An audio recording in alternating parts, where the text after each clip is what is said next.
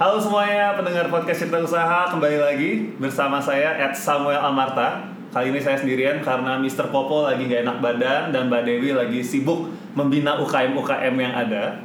Tapi hari ini gue nggak literally sendirian sih sebetulnya karena hari ini di seri bedah usaha kita akan ngebedah satu usaha yang lagi tren banget yaitu jualan baju online.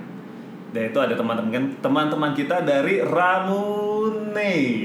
Iya. Ya betul Mbak? Iya, benar. bener nggak? Bener nggak? Bener nggak Benar, cara cara pronounce-nya bener ya cara Iya, baca? iya, ya? Tulisannya Ramune teman-teman. Alamatnya apa websitenya? Uh, www.ramuneshop.com ramuneshop.com. Ya. Jadi kita kedatangan teman-teman, kita mau bedah usaha ya, Ramune tulisannya, tapi cara bacanya Ramune. betul. ah, bener. ya? Betul, oh, bener ya? Sesuai, sesuai. sesuai, ya? udah Sesuai, sesuai, itu sesuai, ya. Oke. sesuai. Eh, sebelum kita mulai, penasaran banget sebenarnya Ramune ini dari bahasa apa sih? Uh, dari bahasa Jepang ya. Bahasa Jepang. Uh, iya, oh, oke. benar. Iya. Artinya? lemonade. Artinya lemonade. Iya, lemonade. Oke, maksudnya apa? Eh, Kita jadi bingung nih. Agak coba tolong dijelasin apa hubungannya lemonade sama jual baju? Oh iya, jadi awal-awal bisnis uh, Ramune kita mulai Hmm. itu sekitar 5-6 tahun yang lalu. Jadi when we first started, um, kita sebenarnya tuh import aksesoris dari Korea. Ya, jadi uh, karena produk-produknya itu lebih ke uh, apa ya? Yang kayak summery gitu ya, feelingnya Hmm. kayak lebih ke summer-summer Lebih gitu. Iya, jadi kita mencari nama untuk produk uh, yang yang representatif of our products gitu. Jadi Oh. ya, jadi pada saat pencarian nama kita mau cari yang lebih ceria, uh, makanya kita merujuk ke lemonade tersebut. Oh, Iya. oke. Menarik banget ya, teman-teman. Tapi hari ini kita bukan intinya bukan hanya membahas tentang Ramune-nya, tetapi supaya teman-teman yang ngedengerin itu bisa punya dapat gambaran gimana sih caranya memulai bisnis clothing ya, bisa dibilang gitu ya. Eh, clothing online maupun offline ya. Uh, Offline juga ada kan? Offline kita lebih ke stokis sih. Jadi kalau Lebih ke lebih ke independent uh, offline store, Hmm. brick and mortar store kita titip di mana itu uh, uh, store itu biasa ada beberapa brand, jadi kita kayak consign mereka. Oh, oke, Iya. oke. Nah, jadi teman-teman harapannya selama nanti saya nggak tahu ini akan ada ber- akan jadi berapa jam pembicaraannya. Tapi selama di podcast ini teman-teman yang tertarik untuk bangun bisnis uh, tentang jual baju itu bisa dengerin sampai habis sehingga bisa dapat gambaran gimana cara mulainya, tantangannya apa, lalu tentunya juga opportunity-nya seperti apa dan kita bisa belajar bareng dari teman-teman dari Ramune. Oke, kita mulai.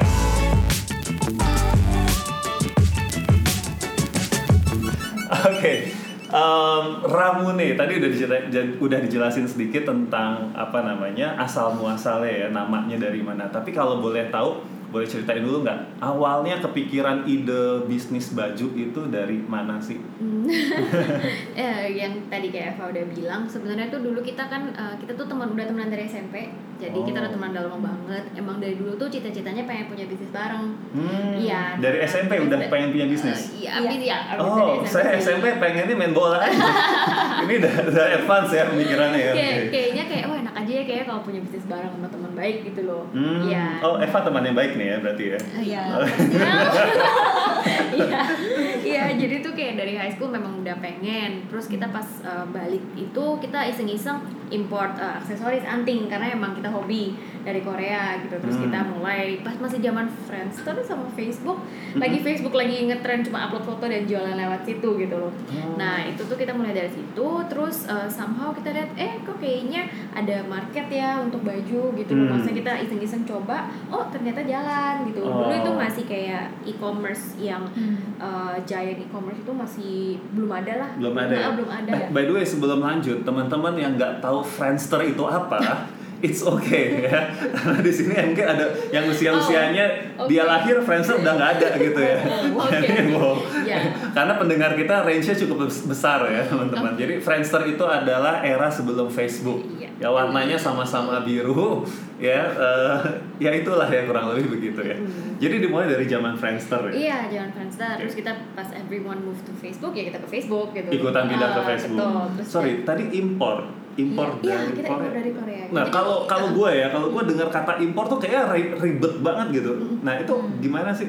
Eh, enggak sih sebenarnya itu kita cuma enggak ya? sebenarnya kayak kayak lagi online shopping aja jadi kita ship ke sini gitu loh Oke. iya cuman memang ya dulu kan dulu kita when we were younger kita hobi banget uh, ngeliatin nama dengerin Korea punya musik lah Oh, drama. oke. somehow we Oke. learn how to read the Hmm. the Korean punya words and Oke. then we shopped in a Korean website gitu Oke. jadi itu cuman kayak basically kayak shopping online aja Iya, biasa. Oke, Heeh. it's a good news buat teman-teman yang suka nonton drama Korea. Jadikan itu jadi opportunity business, ya. Yaitu dengan jadinya ada ada inspirasi ya, apa yang Iya. bisa dijual. Terus saya Iya. sampai belajar cara baca bahasa tulisan Iya. Koreanya gitu dari nonton atau dari uh, lihat musiknya gitu. ya. Oke, that's good. Supaya waktunya teman-teman nggak terbuang nonton drama Korea, ya. Oke. Terus Iya. cara dapat importirnya gimana? Uh, dari online juga. Iya itu sebenarnya kayak when you shop in eBay gitu aja kayak kirim karena kita Oke. punya yang kita beli itu kan anting jadi kan value-nya masih kecil ya Hmm. jadi kayak orang beli online aja overseas. Oke. Kayak sekarang kan berapa sih maksimum itunya 100 US dollar kalau Iya, sebelum 100 kena tax. Iya gitu aja sih. Tapi bukannya jadi yang mahal ongkos kirimnya? Oh, Eh, hmm, jadi dulu sekali kita order itu Iya, udah bulk order, iya, jadi beberapa. udah beberapa style sekaligus. beberapa style gitu. sekaligus Wah, gitu. Oh, Oke, Iya. lalu begitu dijual di Indo itu bisa lebih mahal dari Iya itu. betul. Iya.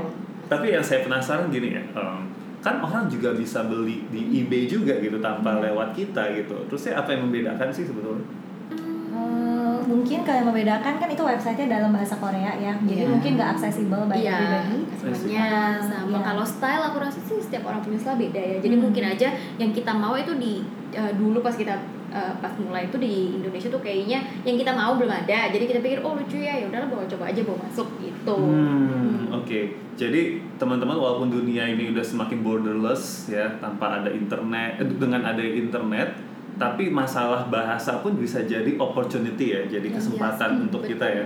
Karena kita tahu bahasanya, kita tahu akses webnya gimana, and then kita beli dari situ, kita jual dalam bahasa Indonesia, gitu kan. Basically itu awal mulanya mulai Iya. bisnis online ya. Betul. Iya. Dal- dalam dalam konteks waktu itu aksesoris ya. Iya, aksesoris Aksesoris. betul. Umur berapa waktu itu? Ah, baru lulus uni sih ya kayaknya apa? Ya baru lulus uni 20 22. Oh lulus universitas ya? Iya, dua-dua. Iya, dua dua dua-dua. tiga ya. Heeh, Tapi dua-dua, udah udah kerja juga waktu itu atau belum atau Vivi belum? baru baru selesai kerja di Singapura kan ya? Iya, kayaknya aku baru came back. kerja atau Hmm. sebelumnya pas lagi deh. Kalau nggak pas lagi deh. pas lagi Iya, kerja. pas lagi, Hmm, uh, Jadi eh, dalam masa transisi ya. Masa jadi Vivi udah transisi. mulai jenuh sama pekerjaannya, Hmm. terus lagi mencari eh, haluan yang baru. Iya. Eh, jadi kita mulai reconnect lagi, terus kita mulai cerita Iya. tentang mimpi kita yang dulu. Iya. Wah, ini dia teman-teman pembelajaran pertama. Kalau jenuh dengan pekerjaan ya, jangan ngejuliet aja kerjanya. ya, mendingan reconnect dengan teman yang bisa dipercaya, reunian gitu ya. Setelah setelah puas ngejuliet sama tentang bosnya, baru ngomongin bisnis gitu ya. jangan jangan cuman ngomel-ngomel aja gitu ya, tapi lebih baik cari uh, alternatif lain ya kalau udah jenuh kerja. Oke, uh, balik lagi tadi uh, soal import dulu. Jadi awalnya dimulai dari import. Apakah dalam jumlah yang langsung banyak atau gimana? Eh, enggak sih, kita dulu importnya palingan contoh nih satu style warna ini gitu anting warna merah kita cuma masukin dua tiga gitu Oke. aja sih. Eh, Berarti untungnya waktu itu juga nggak terlalu banyak dong? ya? enggak, Enggak ya? enggak. Memang Ya. mulainya dari kecil karena kita juga nggak ada modal. Oke. Jadi Nah. se, se, se, Iya, secukupnya aja ya, secukupnya, secukupnya. iya. Iya ya, ini ini karena gue selalu dapat pertanyaan ini dari mana-mana Hmm. lewat Instagram kalau kita seminar segala macam modal kak modal tapi kita nggak punya modal gitu ya.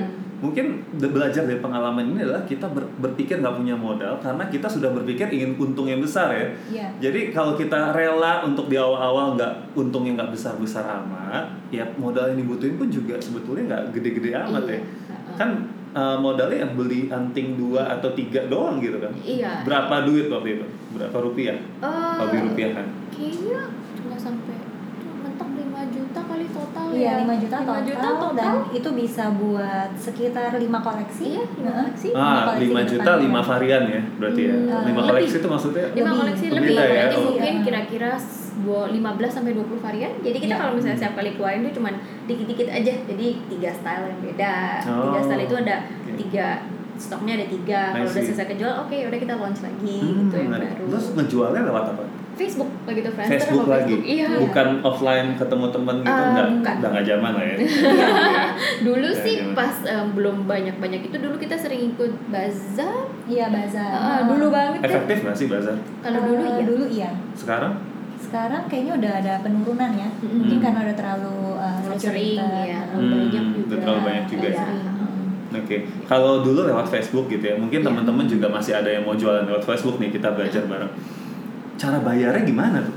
Eh, kebanyakan orang sini lebih transfer bank ya. Iya, Transfer ya? transfer, iya Uh-uh. biasanya. Tapi kan belum tentu customernya percaya gitu ya, udah ditransfer barangnya belum Hmm. ada di Makanya dia. itu fungsinya Instagram kita, website, itu Uh-uh. semua kan untuk uh, build the trust ya Iya. dengan customer. Jadi dia tahu kita tuh nggak cuma main-main kalau Facebook aja kan Hmm. kesannya nggak ada presence ya. Iya. Tapi kalau kita ada Instagram, kita ada websitenya juga aktif. Dan ada nomor Iya, gitu loh. nomor telepon. Dan nomor telepon ya. Iya. Oke, jadi buat teman-teman nih pembelajaran yang penting, kalau teman-teman baru terbatas hanya punya Facebook, setidaknya di Instagramnya juga aktif ya. Iya. Iya. belum nggak perlu mungkin kalau masih bingung cara bikin website dan sebagainya ya nggak apa-apa juga tapi yang penting ada nomor telepon tadi ya ada Iya. nomor telepon dan nomor teleponnya juga yang aktif Iya. setiap saat please gue juga pernah kayak gitu tuh Hmm. kayak ada dikasih nomor telepon tapi terusnya nggak aktif gitu kan kan curiga juga kita kan Iya. gitu atau enggak kalau di WA terusnya centang satu melulu gitu Hmm. kan itu kan kita jadi bertanya-tanya juga jadi pastikan em, apa namanya aktif nomornya terusnya jangan sering ganti-ganti nomor ya itu Iya, kadang-kadang yang, yang suka Iya, iya. suka ada gitu ya ada aja Dulu itu kita masih zaman BlackBerry sih sebenarnya. Wow. Iya, Iya masih kan? Masih BB BB pin ya. Pakai BB Iya, pin ya. jualnya. lalu mulai transisi dari aksesoris ke baju Hmm. langsung transisi apa ada cerita di balik itu Um, iya, kita berhenti ya, we stop for a while karena emang udah gak tahu kenapa ya, karena emang oh kita lagi transisi, kitanya juga ngerasa uh, oh kalau misalnya cuman aksesoris aja import dan dengan volume segini kasarnya nggak bisa hidup nih kayaknya Hmm, gitu loh. Jadi kita oke. harus kayaknya cari yang value-nya lebih uh, tinggi Oke. gitu. Heeh, dan kita memang pas uh, pas itu kita juga lagi saling mau ker- mau cari kerja Hmm. di kantoran gitu loh. Hmm. Ya, terus akhirnya dia udah masuk ke kantoran, akunya Iya. interview, terus somehow akunya nggak masuk. Terus em, eh tiba-tiba kepikir hmm, ya udah deh coba deh transisi ke baju karena masih belum banyak dan kayaknya oh ada potensi Iya. untuk local market karena kan dulu bener-bener bisa dihitung tangan lah ada Hmm. berapa gitu. Hmm. Nah setelah itu kita eh, merintis dari nol, cari eh, tukang jahit, tukang pola, segala macam belajar. Baru deh mulai ini bisa jalan nih gitu. Oke, Hmm. ada cerita yang menarik ya. By the way, saya tadi lupa memperkenalkan mereka namanya. Jadi di sini ada Vivi sama ada Eva. Iya. Ya. Ini tidak ada sangkut pautnya dengan adanya huruf V ya di kedua nama mereka ya. Ini nggak ada sangkut pautnya. Tapi di sini ada Vivi sama Eva dan tadi Vivi eh, membuat menceritakan cerita yang menarik nih ya bahwa di saat itu Vivi sedang apply untuk kerja di perusahaan Iya. tetapi tidak diterima Betul. lalu akhirnya buka bisnis ini gitu Iya. ya nah ini teman-teman ya again ya kalau kita ada pintu yang tertutup satu mungkin itu artinya emang harus ke pintu yang lainnya gitu ya jadi kalau misalnya teman-teman yang udah apply eh, berkali-kali terus ya nggak dapet apa namanya kerjaan ada dua yang harus dilakukan satu adalah lihat Instagram gue, lalu di situ ada tips untuk interview kerja. Ya, siapa tahu jangan-jangan teman-teman belum tahu cara eh, menghadapi interview kerja. Ya, bisa lihat di Instagram gue @samuelamarta. Atau kedua, stop menghasi- menghasihani diri sendiri. Coba create opportunity. Kalau nggak kalau ditolak kerja, buatlah kerjaan itu sendiri gitu. Oke, jadi itu ini contoh real ya dari dari Vivi ya. Oke, benar. that's very good. Oke, eh, kenapa baju? Eh, waktu saat itu kan baju eh, belum terlalu banyak yang jualan online tapi eh, kalau kita lihat di luar negeri kan Vivi dari Singapura ya dulu ya sekolahnya terus saya juga dari luar nah kita lihat oh kok perkembangannya online fashion itu bagus ya sebenarnya jadi ada potensi dan itu menjadi peluang yang menarik gitu buat kita Hmm. jadi kita juga mau eksplor sesuatu yang Iya. sama Oke. jadi itulah kenapa kita Iya. pilih baju and like we are girls udah Oh. suka dress up ya Iya, iya, iya. Dia, dia emang suka Iya, juga memperhatikan fashion. Iya, ya. iya. Iya, tapi emang benar sih teman-teman kayak kalau banyak juga yang tanya ke kita kan, kak gimana cari cara nyari ide usaha gitu Iya. ya. Emang paling benar adalah menurut gue ya lo suka apa gitu ya. Hmm. Kita mulai dari yang paling gampang, mulai dari apa yang ada di tangan kita dulu deh gitu. Iya, benar. Kita sukanya apa? Kayak di sini dalam kasusnya Vivi sama Eva suka mengamati fashion, ya kan? Lalu ya udah coba aja kenapa nggak kita daripada hanya jadi pengamat, mendingan jadi pelaku. Nah, kalau tadi Eva juga bilang ya bahwa kayaknya nih eh, apa industrinya bagus gitu. Ngelihatnya dari mana sih? Eh, ngelihatnya sih lebih ke karena kita dari Iya. luar pengalaman eh, ngelihat di luar kok kayaknya emang udah mengarah ke industri online gitu Hmm. E- even for fashion Ya. jadi dan kita lihat di sini oh potensinya gede banget ya karena belum eh, ya beberapa brands yang pioneer banget ya kalau misalnya emang pendengarnya tahu gitu beberapa mereka tuh udah mulai ada website sendiri sebenarnya meskipun websitenya belum canggih kayak sekarang ya terus kita lihat oh enggak semuanya ada ya jadi kan Hmm. toh kita juga sebelumnya jualan lewat Facebook itu pun Hmm. udah termasuk online gitu loh dan Hmm. kenapa enggak gitu kita beraniin diri eh, coba eh, bikin website sendiri meskipun pas kita mulai itu masih belum populer gitu masih Website tuh belum populer. Iya belum Hmm. untuk kategori fashion wanita locally made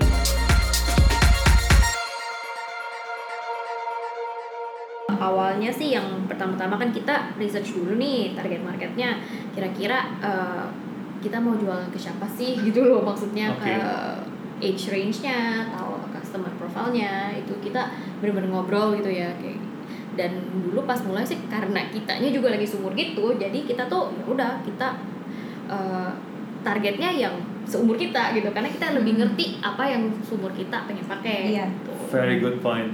Jadi teman-teman pertama gue simpulkan adalah tentukan dulu target marketnya. Target marketnya itu yang dipilih sebisa mungkin yang memang kita pahami ya, Iya. Mm-mm. yang kita pahami. Dan dalam kasusnya ini yang dipahami adalah ya yang seusianya dia gitu. Ya udah berarti kita coba aja bikin sesuatu, jual sesuatu ke target market yang kita pahami yang seusia kita gitu ya. Hmm. Oke. Hmm. Terus kedua apa langkahnya tuh? Eh, kedua mungkin kita harus juga equip ourselves dengan knowledge tentang material ya karena kalau kita bicara dengan pakai tentang pakaian bukan hanya desainnya aja tapi fabriknya juga jadi kita nggak mau nanti customernya terima Fabric baju, tuh bahan. bahan, Bahan ya, bahan, bahan. bahannya jadi jangan cuma lihat oh modelnya bagus tapi nanti gitu dibeli bawa pulang kecewa Mm. Eh, karena kan Hmm. ini kita bisnisnya online ya Iya. jadi customernya kadang-kadang eh, hanya em, lihat foto iya lihat foto Dia foto tidak Iya, bisa merasakan tidak bisa iya merasakan ya. Heeh, tapi kita mau jadi brand yang eh, bisa menjadi pemain yang jangka panjang jadi Iya. kita peduli juga soal kualitas saat Mm-mm. itu ya Oke, bahannya jadi pelajarin bahan-bahan baju yang Iya, kedua Iya, ya. heeh. Cara pelajarinnya gimana? Eh, itu kita sih bisa pergi dengan ke iya. ke mana-mana sih sebenarnya. Contoh nih ya kalau bisa contoh kita ke brand seperti Zara Hmm. Bershka sebenarnya kalau kalian lihat di labelnya itu ada mereka tulis itu bahan apa sih gitu loh Oh, ada ya di Ada, label? ada, ada. Saya hanya lihat label harganya. Mampu beli atau enggak itu aja sih saya lihat. selain selain ada Selain label itu ya. harga itu di samping biasanya dia tulis cara cucinya care washnya Oke. sama Iya. uh, komposisi bahan gitu jadi kan kira-kira tahulah yang mana yang katun yang mana yang polyester yang mana yang jeans yang mana yang denim Oke. gitu Hmm. Oke, ini, ini menarik nih. Eh, by the way, saya jadi jadi kepikiran untuk membuat satu tantangan. Ini untuk versi video. Jadi teman-teman hari ini podcastnya bukan hanya versi suara, tetapi ada juga versi video. Saya Oke. kepikiran untuk untuk eh, membuat tantangan. Ini kan ada baju di belakang kita ya. Iya. Coba eh, kita eh, misalkan eh, kita mau nantang siapa ya? Eva, Eva. Oke. Eva tutup mata, Iya. lalu Vivi kasih bahan, and then Eva coba tebak ya, ini bahan Oke. apa gitu. kita coba ya, kita coba. Eva tutup mata. Agak sini dulu, jangan Oke. off frame. Oke, Iya. oke. Oh, Oke. oke. Kita Eva sini aja nggak apa-apa. Ya. ya Oke, silakan Vivi boleh ambil satu baju. Eva tutup tangan. tutup mata. Oke. oke. Eh tutup tangan, tutup mata. tutup mata ini Oke. Iya. kita lihat Oh, teman-teman. oke. Eh, ini bahan scuba Scuba. Oke, bener gak? bener Bener, weh. Satu lagi, satu lagi, satu lagi, Satu lagi, satu lagi. oke. Merem lagi, merem lagi. Scuba, saya tahu scuba diving. saya baru tahu ya ada. ini Mm-mm. ini eh, polyester mix mix apa nih Oh, Mix apa wow wow. dalam ya oh linen Eh, lebih tepatnya katun Oke.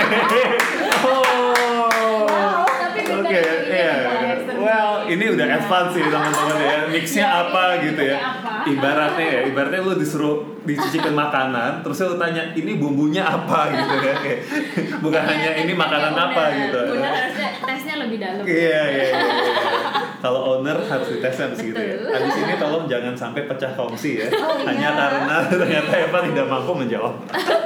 iya langsung dipindahin Oke, Ya, untuk versi, untuk kalau teman-teman penasaran apa yang terjadi barusan bisa lihat di video kita nanti ya. Oke. Eh, balik lagi, jadi pertama tadi mengenali target marketnya, kedua adalah mengenali bahan-bahan baju Ya. supaya kita bisa memberikan hasil yang berkualitas. Yang ketiga apa? Eh, yang ketiga kita bisa sebenarnya apa yang kita lakuin tuh kita banyak baca ya sama banyak research uh, uh, brand fashion brand yang udah bener-bener established yang bener-bener besar banget gitu jadi Such kita as? tuh Seperti? such as like I said Zara, Hmm, uh, Bershka itu Zara. mereka under one, H&M, Oke. uh, Uniqlo.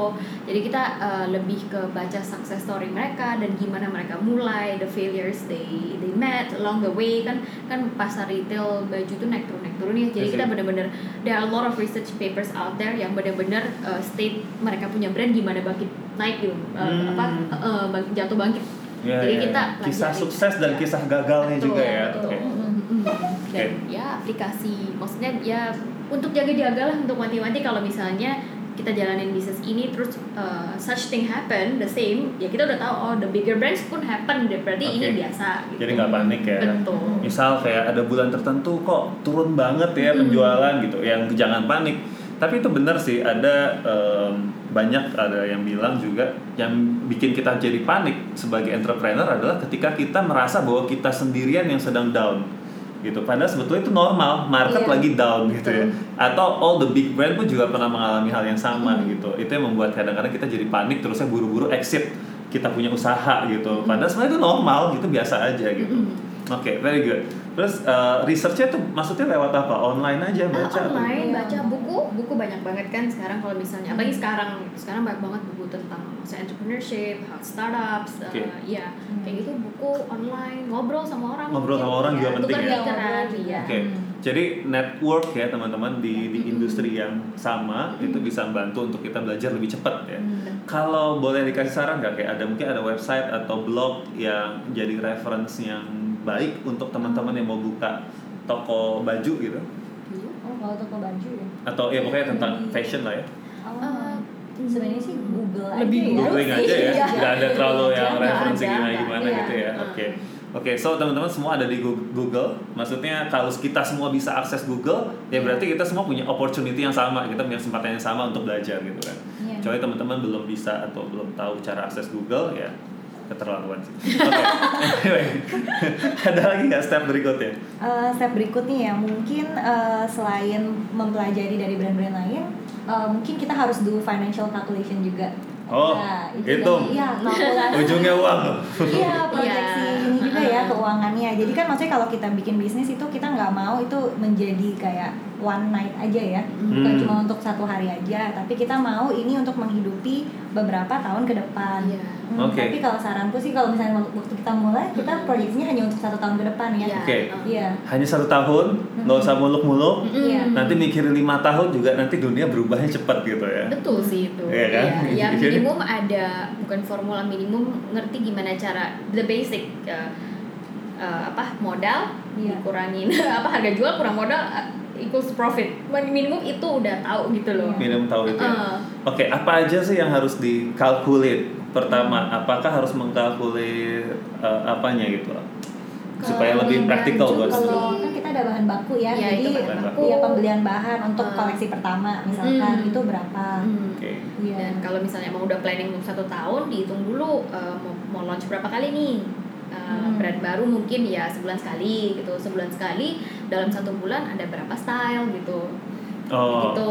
Oke, Uh. jadi harus ada rencana bisnisnya Rencana bisnis. Rencana yang bisnis. bisa dituangkan dalam bentuk financial atau Betul, ke keuangan. financial statement. Jadi kan kelihatan nih dari benar-benar from far how much kamu harus invest, yang kira-kira apa yang bisa dikurangi dulu sebagai awal dan Hmm. ke dep- dan ya, berapa sih profit yang ingin dicapai atau berapa sih revenue yang ingin dicapai gitu. Itu Oke. lebih lebih bagus kalau udah udah jelas baru kita oh ya udah kita kayaknya ini bisa dikerjain ini nggak bisa gitu. Oke, Hmm. tapi hanya untuk nggak usah dalam jangka waktu yang terlalu lama dulu Betul, gitu ya, betul. yang bisa kita bayangkan Betul. saja. Hmm. Jadi waktu itu misalnya uh, correct me if I'm wrong. Jadi uh, pertama kita pikirkan dulu kita mau ngeluarin berapa mungkin bahasa yang umum buat teman-teman berapa varian baju gitu kali ya. Iya. Iya iya Mungkin ya betul. berapa varian baju karena di setiap varian baju itu punya bahan yang berbeda-beda ya. Betul. Punya bahannya beda-beda.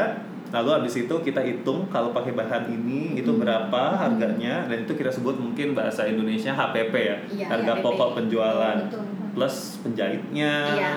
Em, waktu itu udah langsung pabrik atau Eh, lagi Penjahit. itu penjahit jadi Penjahit yang- ya? iya, penjahit karena kan kita pas eh, mulai kan kecil jadi Ya. kan contoh nih eh, celana ini saya kita coba produksi dua tiga gitu. Hmm, jadi nggak usah terlalu yang masif dulu ya? Nggak usah. Iya, Nggak usah dulu ya, nggak usah dulu ya. harus start small ya untuk minimal minimalisasi risknya. iya. Hmm. eh, mulainya yang kecil-kecil dulu Hmm, iya. eh, minimalisasi risk dan kalau sambutan dari market bagus baru kita perbanyak Naikin lagi gitu ya iya. naikin pelan-pelan Iya. jadi har- harus yang dikasih, eh, harus yang teman-teman tahu adalah harga bahan mm. kedua harga penjahit ya tadi harga produksi lah, Harga iya. produksi ya. Ah, Produksinya apa aja? produksi kan ada penjahit, terus mungkin ada aksesoris contoh seperti Iya. zipper kancing oh kancing Heeh, ya kayak ya gitu. wow detail juga ya Hmm. Hmm. itu sering muter-muter pasar loh Eh, iya, Iya, ya. awal-awal kita Oh. beneran Iya. beneran muter pasar, nanya-nanya harga, Hmm. terus eh, tanya oh, belajar nawar juga. udah di pasar. blacklist belum di tanah abang ini nanya-nanya nanya-nanya doang Iya, ada ada. Pasti ada yang Pasti ada yang kayak aduh nih yang Ah, nawar. ini nanya-nanya aja nggak beli ternyata mau Iya, jadi saingan iya. gitu iya. Oke, jadi teman-teman ya ini ya kalau membuka usaha tuh emang harus usaha gitu ya. Iya, betul emang harus usaha, harus tangannya harus kotor lah kalau istilah gue gitu ya. Bener-bener ke pasar, liatin harga ini. Saya dulu pernah usaha eh, bebek, lalu diketawain sama teman saya karena dia ketemu saya di Hero. Mau ngapain saya belanja buat bumbu bebek gua belanja di Hero. Pantesan lu gak untung katanya. iya nih lagi males ke pasar gitu. Ya makanya makanya bangkrut. Makanya bangkrut. Iya iya iya. Oke, jadi tahu harga-harga bahan pokok. Nah, Hmm. tapi nentuin harga jualnya gimana ya? Eh, kalau nentuin harga jual pertama-tama sih lihat dulu pasar. Menurut aku sih paling benar tuh lihat pasar. Contoh kalau sekarang kan emang banyak eh, local brand ya, yang Mm. women punya local brand. Ya lihat aja kisaran harganya berapa dan kamu punya target market siapa. Contoh kalau misalnya target market kamu memang anak-anak kuliahan, gak- ya agak jarang kalau mereka bisa beli baju. Contoh satu juta Ya. ya kalau dibanding kalau memang target marketnya em, ibu-ibu atau working adults yang udah agak Ya. lebih mature gitu jadi eh, itu sih starting pointnya sih di situ selanjutnya baru kamu balik lagi ngitung ke HPP kamu dan Hmm. kamu udah kan tadi kan yang yang Eva udah bilang financial sheetnya targetnya berapa nih mau profitnya berapa revenue berapa Hmm. terus coba aja dihitung balik gitu Ya. Hmm. Nah ini teman-teman, em, saya juga pernah mengalami hal yang agak lucu ya. Tapi tapi ini beneran terjadi di mana ada orang yang membuka usaha, tapi saya tanya emang kamu mau untung berapa sih? Hmm. Itu tuh nggak kepikiran mau untung berapa, Oh. gitu. Bahkan eh, ya mungkin karena dia eh, apa ya nggak terbiasa untuk menentukan target dalam hidup gitu ya. Hmm. Sehingga kalau ditanya kamu mau untung berapa gitu, bisa untuk jajan apa, bisa untuk apa gitu itu susah gitu. Jadi it's okay teman-teman yang baru mau buka usaha itu untuk tentuin aja mimpi aja maunya untung berapa gitu. Iya. Ya nanti kalau udah hitung-hitungannya keluar, Hmm. barulah adjust berapa Iya, gitu ya untungnya. iya. Bisa jadi lebih besar ternyata uh, opportunity-nya. Bisa jadi memang untuk sekarang kayak lebih visible kalau kita tetapin target itu sekian Hmm. gitu. Jadi jangan takut untuk menentukan untung, target, profit itu jangan takut teman-teman. Ya, karena itu dasarnya justru. Oke, that's good. Jadi gue rekap dulu ya supaya teman-teman nggak lost nih. Yang pertama untuk membuka uh, bisnis fashion atau baju ya pertama teman-teman harus kenali dulu target marketnya. Ya teman-teman tentukan dulu target marketnya. Dimulai dari target market yang teman-teman emang udah tahu atau udah kenal ya. Kedua adalah kenali bahan-bahan baju ya kan? Yang ketiga adalah uh, tadi ngebuat uh, financial plan ya. Iya. Ya kira-kira mau seperti apa financial plan oke ada lagi nggak? terakhir Oh iya, belajar dari cerita brand lain. Oh iya, Iya, tadi iya, yang keempat iya. tadi juga ada belajar dulu juga teman-teman dari brand lain. Hmm. Jadi kita masuk nggak kalau bahasa kerennya reinvent the wheel. Kita Iya, nggak nggak nggak seakan-akan dari nol. Kita bisa belajar di tempat lain. Oke, ada lagi? Kim? terakhir sih ya punya keberanian dan faith aja sih untuk maju Iya, untuk terus maju Iya. ya. Ya, jadi berani aja teman-teman. Hmm. Walaupun nanti dilihat di financial hitung-hitungannya agak-agak berat gitu ya. Hmm. Tapi dicoba aja. Dan Hmm. tadi saya mau quotes lagi yang tadi teman-teman bilang bahwa start small ya. Iya, start, start small, tapi uh, dream bigger and bigger lah gitu ya. Ya. Jadi boleh mimpinya boleh ditambah terus, tapi startnya dari small dulu gitu ya. Oke, very good.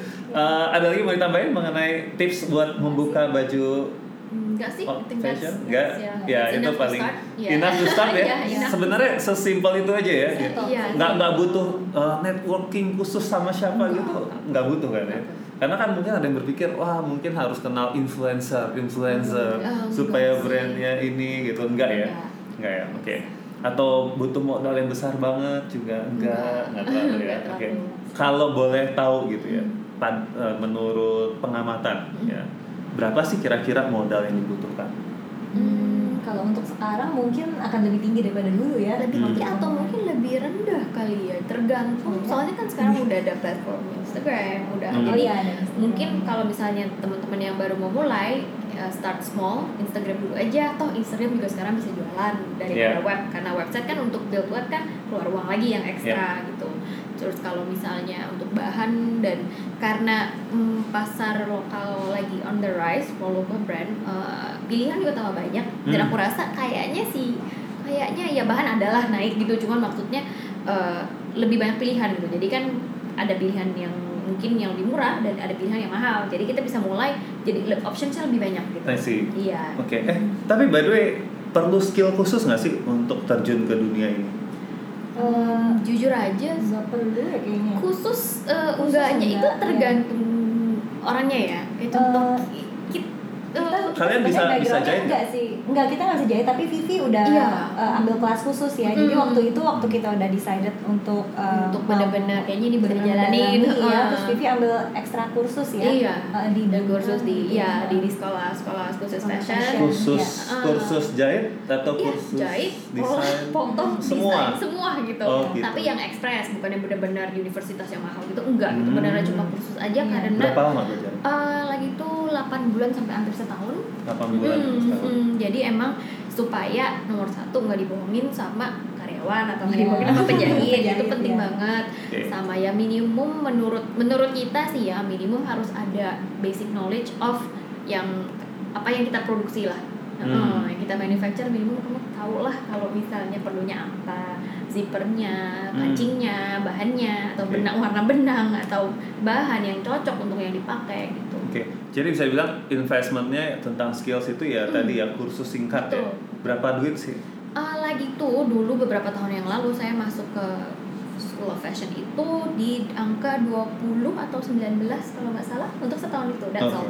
Ya cuman mungkin memang uh, mereka kasih fasilitas uh, mesin jahit kalau memang muridnya nggak punya Hmm. sama uh, cuman sisanya cuman ya kita harus keluarin modal untuk bikin proyek uh, maksudnya Oke. project-project yang yang perlu bikin jahit sendiri basically Hmm. suruh jahit rok suruh jahit uh, atasan itu kan kita pergi ke Hmm. Majestic atau pasar baru untuk beli bahan semeter lah atau Iya, iya, iya. gitu sih Ya, nah buat teman-teman yang udah punya teman tukang jahit belajar dari dari temannya aja.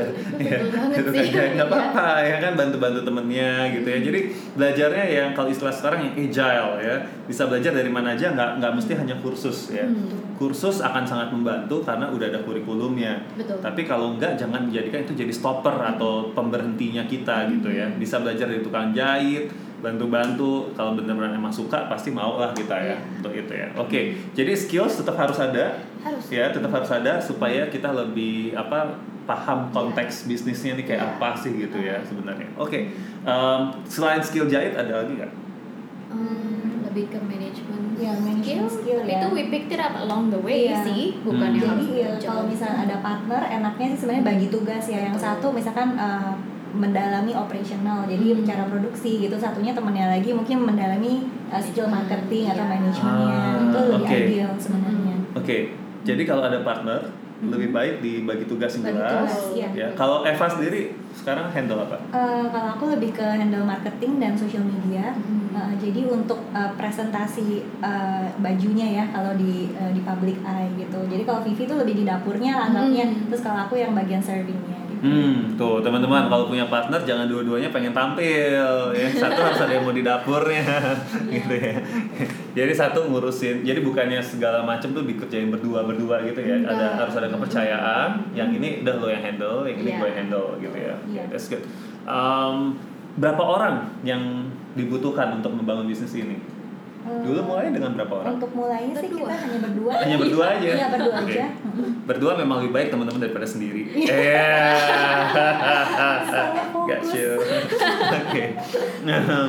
Oke, tapi benar sih. Karena saya memulai bisnis dengan sendirian, jadi dan itu tidak terlalu efektif, ya. Jadi memang benar teman-teman sebaiknya ada partner gitu ya berdua supaya bisa saling ngingetin juga ya. Iya, betul. Karena karena kita yang namanya manusia biasanya up and down lah ya. Kadang-kadang Iya. termotivasi, kadang-kadang demotivasi. Kalau ada partner tuh kayak ada lebih tanggung jawabnya gitu Iya, nanti. iya. Oke, dan apalagi kalau partnernya emang, nah ini carilah partner yang bisa dipercaya ya. betul itu Nggak mesti teman lama, Betul. tetapi setidaknya ya ya ketemunya jelas lah gitu, jangan tiba-tiba ketemu di mana langsung jadi partner bisnis gitu kan ya. Oke, em, pertanyaan berikutnya yang banyak sering tanya juga, Hmm, tantangannya apa sih bisnis di fashion? Eh, Kan sekarang udah banyak banget tuh yang jualan gitu ya. Iya. Jadi karena kan kalau fashion sendiri sebenarnya eh, untuk entry pointnya agak rendah ya. Hmm. Jadi bisa dikatakan eh, modal yang diperlukan tuh nggak tinggi. Jadi Oh. akan banyak sekali orang yang sebenarnya bisa masuk. Jadi mungkin salah satu tantangannya kita adalah eh, kompetitornya tuh terus berkembang, terus Iya. bertumbuh Hmm. secara angka. mm. Belum tentu kualitas ya, tapi maksudnya Iya, angkanya angka, udah banyak banget. banyak Jadi kadang-kadang kita kesulitan di masalah eh, pemasaran mungkin atau eh, placement of harga ya Mm. Itu Hmm. sedikit challenging Iya. karena dengan banyaknya pilihan kan customer kadang-kadang jadi salah fokus ya lihatnya ke harga gitu Iya Hmm. betul. Pernah nggak sih kayak desain di teman-teman tuh ditiru sama persis sama orang terusnya dijual lebih murah? Um, itu sih sering terjadi ya menurut aku di di dunia fashion. Iya, itu Kalau memang teman-teman yang uh, tahu tentang Zara, it's, it's a very big case. Mereka sering dapat uh, lawsuit karena mereka sering jiplak uh, Hmm. langsung dari runway. Cuman memang fast fashion dan retail retail itu beda dengan fashion yang benar-benar uh, designer designer ya karena di um, di harga, di materi dan di cara proses pembuatan pun beda gitu loh. Jadi memang it's it's common menurut uh, kita sih udah itu udah sering banget ya di dunia fashion terlalu saking seringnya sampai ya udahlah gitu Oh gitu. Tapi itu apa yang dilakukan? Maksudnya udah pasrah aja atau sebaiknya gimana kalau teman-teman nanti menghadapi hal itu gitu? Jadi mungkin lebih hati-hati aja dalam waktu kita research ya dan Betul. planning untuk ngedesain Eh, kita mungkin harus lebih gimana ya lebih cermat ya lebih cermat, Ya, lebih cermat dalam ya, iya selektif. dan lebih yakin Mm-mm. atas kita punya uh, merek kita punya branding jadi kita kan kalau memang contoh nih memang dari pertama branding kita oke kita brandingnya uh, contoh pakai kata yang playful, cheerful gitu itu kita mau target market ke anak-anak kuliah ya udah jangan tiba-tiba keluarin something yang benar-benar oh kok ini kok kayaknya agak gelap terus Hmm. kayak modelnya kok kayaknya terlalu mature gitu itu kan Oke. berarti udah lewat meskipun meskipun barang itu lagi ngetren gitu loh Oh, Uh, oke. Jadi kalau misalnya udah jelas dari pertama, bukan dari pertama ya, maksudnya udah jelas, kamu udah tahu deh kamu sebenarnya maunya begini brand kamu. Terus tiba-tiba gara-gara gara-gara orang lain, oh kayaknya dia jualan ini laku ya, oh pakai kacang goreng, gue juga mau ah Iya, gitu ikut-ikutan. produksi. Ikut-ikutan ujungnya jadi jadi main main apa price war. iya jadi Oh, perang harga oke. ujungnya. Jadi apa yang tren di market kalau itu bukan segmen kita, bukan identitas kita, ya itu ya teman-teman jangan jangan terpengaruh ya. Iya, Hmm. betul. Tetap menjaga uh, authenticity-nya ya, Iya. autentik seperti kaos yang sedang saya pakai teman-teman.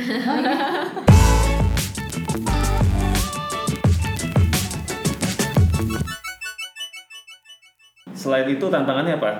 Eh, tantangannya lagi ya mungkin balancing supply dan demand ya Maksudnya gimana tuh? Wah, nih ini udah mulai deep nih. Balancing supply dan demand. Iya. Buat teman-teman yang nggak belajar ekonomi, supply itu artinya adalah eh, supply barang. Jadi eh, apa yang namanya ada. barang yang ada Hmm. ya.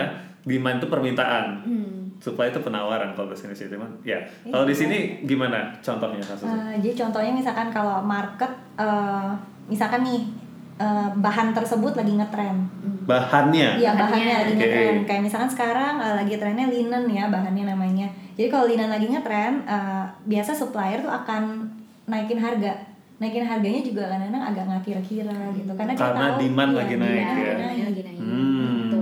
Jadi permintaan akan bahan linen lagi naik, Hmm. maka hukum ekonominya dan supply-nya tetap sama. Hmm. ya maka hukum ekonominya itu akan membuat ga- eh, harga menjadi lebih naik. Lebih naik, iya. Sementara kita nggak bisa seenaknya naikin Iya, harga ke betul, pasar gitu ya, ke betul. customer ya. Iya. Mm-mm. Oke. Jadi mungkin Iya. kadang di situ kita harus ngalah atau mungkin kita mungkin bisa jual uh, bisa beli bahan itu tapi diakalin diakalin di uh, mungkin di di Hmm. Kombinasi. desain di kombinasi Iya. gitu jadi kan kita punya HPP nggak terlalu tinggi dan kita jualnya juga masih sama gitu harganya gitu yang jauh banget Kalau boleh tahu iya. supaya teman-teman nanti bisa bantu juga untuk netepin harga. Wajarnya, wajarnya Hmm, di bisnis online satu baju itu marginnya berapa persen? nih? Oh, Um, marginnya. kalau misalnya di retail world, uh, world uh, kita yang kita udah research itu kali five was it Eh, kalau misalkan lima kali mungkin itu karena ada eh, faktor consignment ya kalau masuk ke department store. Apa gitu. itu consignment? Oh consignment itu lebih ke Konsinyasi. Ya, Jadi eh, konsinyasi. persentase dari penjualan kita eh, untuk dibayarkan ke, Ke toko, toko. di mana kita display barang tersebut. Kalau nggak laku Kalau dibalikin? laku, eh, dibalikin. itu konsinyasi ya? Iya, Iya, Oke. konsinyasi. Kita taruh di toko orang, Ah. nggak laku Ya, dibalikin ke kita gitu titip ya. jual lah Titip jual lah ya, Iya, titip iya, jual. betul. Dan otomatis di toko itu harus dapat margin kan? Nah Iya. itu harus kita masukin di komponen harga ya. Iya, Oke. Ah. That's why berapa tadi marginnya? kali lima sih Kali 5 dari HPP. betul Oh, oke. Ya, jadi teman-teman buat yang nanti mau bisnis, ini kan tujuannya uh, yang mau bisnis gitu ya, supaya diperhitungkannya yang nggak nggak saklek. Cuman kalau misalkan teman-teman mikir, oh kali dua aja deh, kali tiga aja, hati-hati. Iya. Nanti karena tadi ada tadi ya tiba-tiba harga bahan naik, Iya, betul. itu harus karena uh, harga pokoknya tuh nggak nggak nggak nggak steady ya, nggak- tapi fluktuatif gitu Iya, ya. betul. Tapi Oke. mungkin bakal akan eh, akan banyak teman-teman yang bertanya gitu, kenapa lima kali tinggi banget gitu? Betul. Sebenarnya tuh yang kita maks- masuk eh, kenapa harus lima kali? Itu karena ada possibility barang tersebut nggak laku dan kita harus downgrade harganya Mm, di diskon. di diskon. Jadi kita udah Iya. antisipasi nanti diskon sampai serendah berapa persen gitu, kita harus tetap untung. Mm. Itu sih kita kalau nggak untung pun Break minimum even. break even apa yang kita udah contoh HPP-nya balik gitu loh Iya. Eh, jadi kan kita jadi nggak minus Iya, iya, iya. Dan juga kalau kita mau titip jual juga ada fee-nya juga ya. Iya yang konsignment tersebut. yang Iya. itu ya, bukan Iya. hanya uh, kalau laku dia dapat ya, tapi Iya. untuk display aja di situ udah ada Iya, udah biayanya gitu Iya, ya. Oke.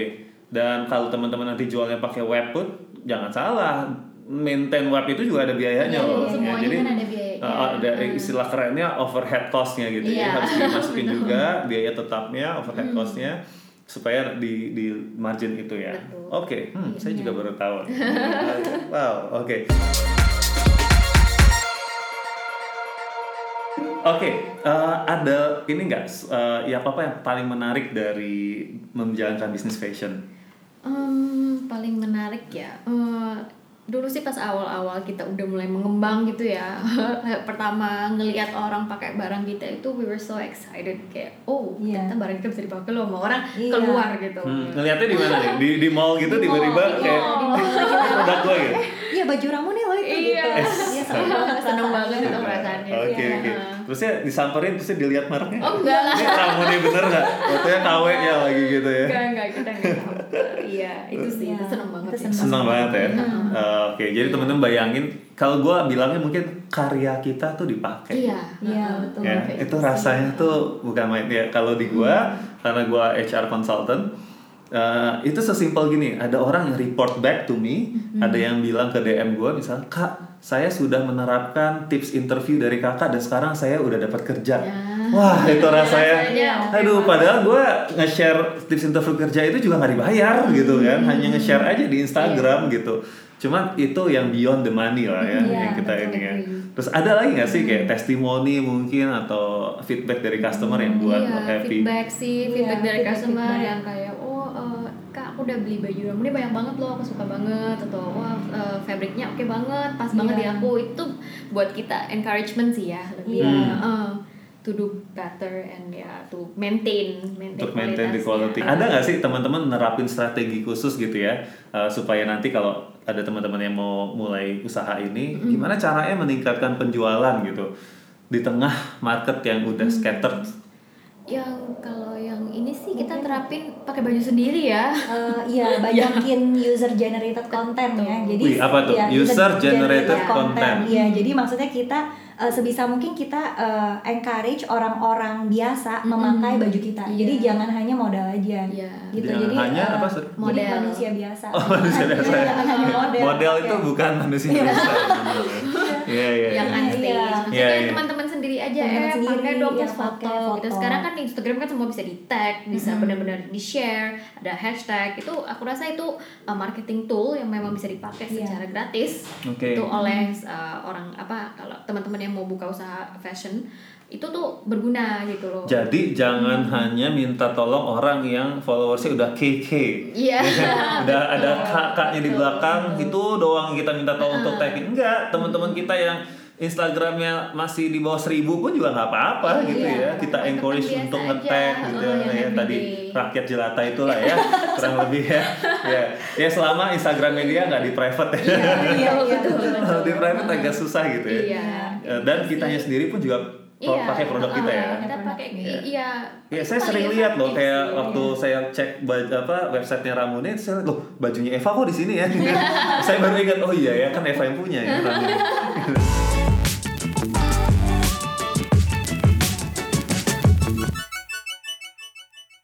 Oke, ada ini lagi nggak uh, opportunity ke depannya buat teman-teman yang baru mau masuk? Masih masih oke nggak sih kalau orang mau baru mulai gitu untuk bisnis ini? Hmm, Ya bisa sih Sih, sebenarnya bisa sih, bisa. iya. dengan adanya kemajuan teknologi yang sekarang ya kayaknya banyak banget marketing tool yang masih bisa dipakai untuk uh, terus naikin sales. Jadi Hmm. walaupun marketnya udah anggapannya seperti kayak laut merah ya, udah terlalu rame gitu di sini, tapi sebenarnya masih banyak yang untap. Misalkan uh, kita bisa sih uh, kerjain marketing dengan Facebook gitu atau dengan Hmm. Instagram. Kita bikin uh, iklan-iklan yang lebih menarik begitu. Hmm. Itu masih banyak sih sebenarnya. Marketnya masih luas ya? Ya Iya. masih luas. nggak hanya cewek ya, cowok Iya, juga. iya, cowok Fashion- juga. Kayaknya kalau nggak salah fashion cowok pun sekarang udah mulai lebih Udah naik mulai ya. Iya, iya, naik. iya. Soalnya fashion itu nggak nggak didefinisikan oleh satu orang gitu loh. Jadi kan Wow. contoh fashion fashion taste-nya Eva dan saya pun bisa beda. Cuman kan karena kita lagi kerja bareng, jadi we produce what we like gitu. Hmm. Mungkin aja kan ada yang teman-teman punya fashion style atau trend itu tuh bener-bener you can create your own trend sebenarnya gitu. Oh, Oke, Jadi Ah, oke. masih ada opportunity. Ini banget. insight yang menarik banget sih tadi bahwa fashion tidak didefinisikan Hmm, oleh hanya satu brand atau satu orang. Mm-mm. Jadi if you have your own taste, kalau taste, kalau teman-teman punya selera fashionnya teman-teman sendiri, justru itu adalah kesempatan ya Iya, untuk masuk ke dunia ini gitu. Betul. Malah mungkin yang mesti teman-teman challenge ke diri teman-teman adalah, gue punya selera uh, fashion yang clear nggak, yang yang yang jelas nggak sih sebenarnya gitu kan? Bukan berarti harus beda ya, tapi Iya. yang penting jelas. Betul. Ini fashion, ini seleranya yang mau gue offer atau gue tawarin ke market loh gitu. Jadi nanti kita lihat ada nggak market yang tertarik juga dengan selera gue gitu. Karena ada juga yang kalau gue lihat juga agak-agak aneh-aneh gitu ya. Tapi di definisinya gue, Iya. gitu kan aneh Betul. seleranya di definisi gue. Tapi ternyata di di luar sana ada yang beli gitu, Iya. laku gitu ya. Oke, jadi ini adalah opportunity teman-teman. Jadi kalau teman-teman merasa punya selera fashion yang jelas, cobain aja gitu, nggak ada salahnya. Oke, terakhir em, ada yang mau dikasih eh, apa namanya saran nggak buat teman-teman gitu ya untuk fashion supaya kita nggak kehabisan bensin juga di tengah jalan. Terus ya supaya kita tetap semangat ngejalanin bisnisnya. Ini udah berapa tahun by the way? Uh, udah lima ya. lima tahun ya lima tahun tuh ya lagi lucu-lucunya lah ya. Lagi belajar ngomong gitu ya. Kalau kalau anak udah lagi cerewet-cerewetnya tuh ya. Ya jadi ini kayaknya udah udah mulai ada apa namanya pasti udah ngerasain banyak up and downs-nya kan. Supaya bisa tetap stay di bisnis ini Um, lebih ke make a clear Ya, vision make a sih clear ya. vision sama stay true to your style. Mm. Uh, jangan jangan disway uh, dengan market luar gitu. Kalau- jangan terombang-ambing Iya, ya. jangan Iya, terombang ambing betul. ambing Mm. gitu. apa yang dimaksud dengan uh, clear with your vision Eh, kalau misalnya visi itu artinya eh, sesuatu yang kamu lihat pas kamu tutup mata. Oke. Jadi kamu kalau tutup mata contoh nih kalau misalnya for, for me untuk kalau ini contoh Ramune kalau gue tutup mata nih Ramune udah gede banget banget banget banget gitu loh. Hmm. Jadi kan itu end goalnya gitu Iya, kan. saya Cuman tutup mata iya itu kan visinya. Jadi kalau visinya jelas kan kita kan pasti bakal usaha sebaik mungkin dan em, semuanya yang kita kerjain itu supaya kita sampai ke visi itu. Gitu. Jadi itu benar-benar eh, panutan dan kita rasa sih visi penting banget gitu loh. Mm-mm, very important. Jadi visinya harus jelas dan Hmm. kita eh, fokus benar-benar fokus pokoknya kita mau nyampe situ. Gitu. mau nyampe situ ya jadi uh, visi itu adalah kita mampu membayangkan apa yang belum terjadi ya Betul. apa yang belum terjadi kira-kira toko apa uh, usaha kita akan seperti apa itu yang memberi kita energi untuk terus ke sana gitu ya. Iya. Sama yang kedua mungkin tadi juga saya mau emphasize lagi sama yang di awal banget kita omongin yaitu soal the why ya bahkan dari pemilihan nama aja tadi kan udah ada artinya ya. Iya. Uh, boleh diceritain lagi nggak sedikit apakah ini bisa menjadi dorongan untuk kita tetap Iya, jadi nama Ramune itu kan berasal dari kata lemonade ya di dalam bahasa Jepang. Jadi kita tuh uh, we started this business uh, dengan dengan visi bahwa kayak apa when life gives you lemon, you turn it into lemonade. Jadi oh ya, yang artinya yang artinya adalah kalau misalkan dalam kehidupan kita uh, ketemu jalan yang berbatu-batu itu maksudnya uh, kita coba untuk stay positif aja, make the best out of the situation, uh, jangan give up gitu. dan diharapkannya dengan memakai baju Ramune Tentu saja. itu tentu saja ya tentu saja itu membantu Iya. ya membantu iya. untuk Sebenarnya sih- menceriakan Iya, Iya, iya.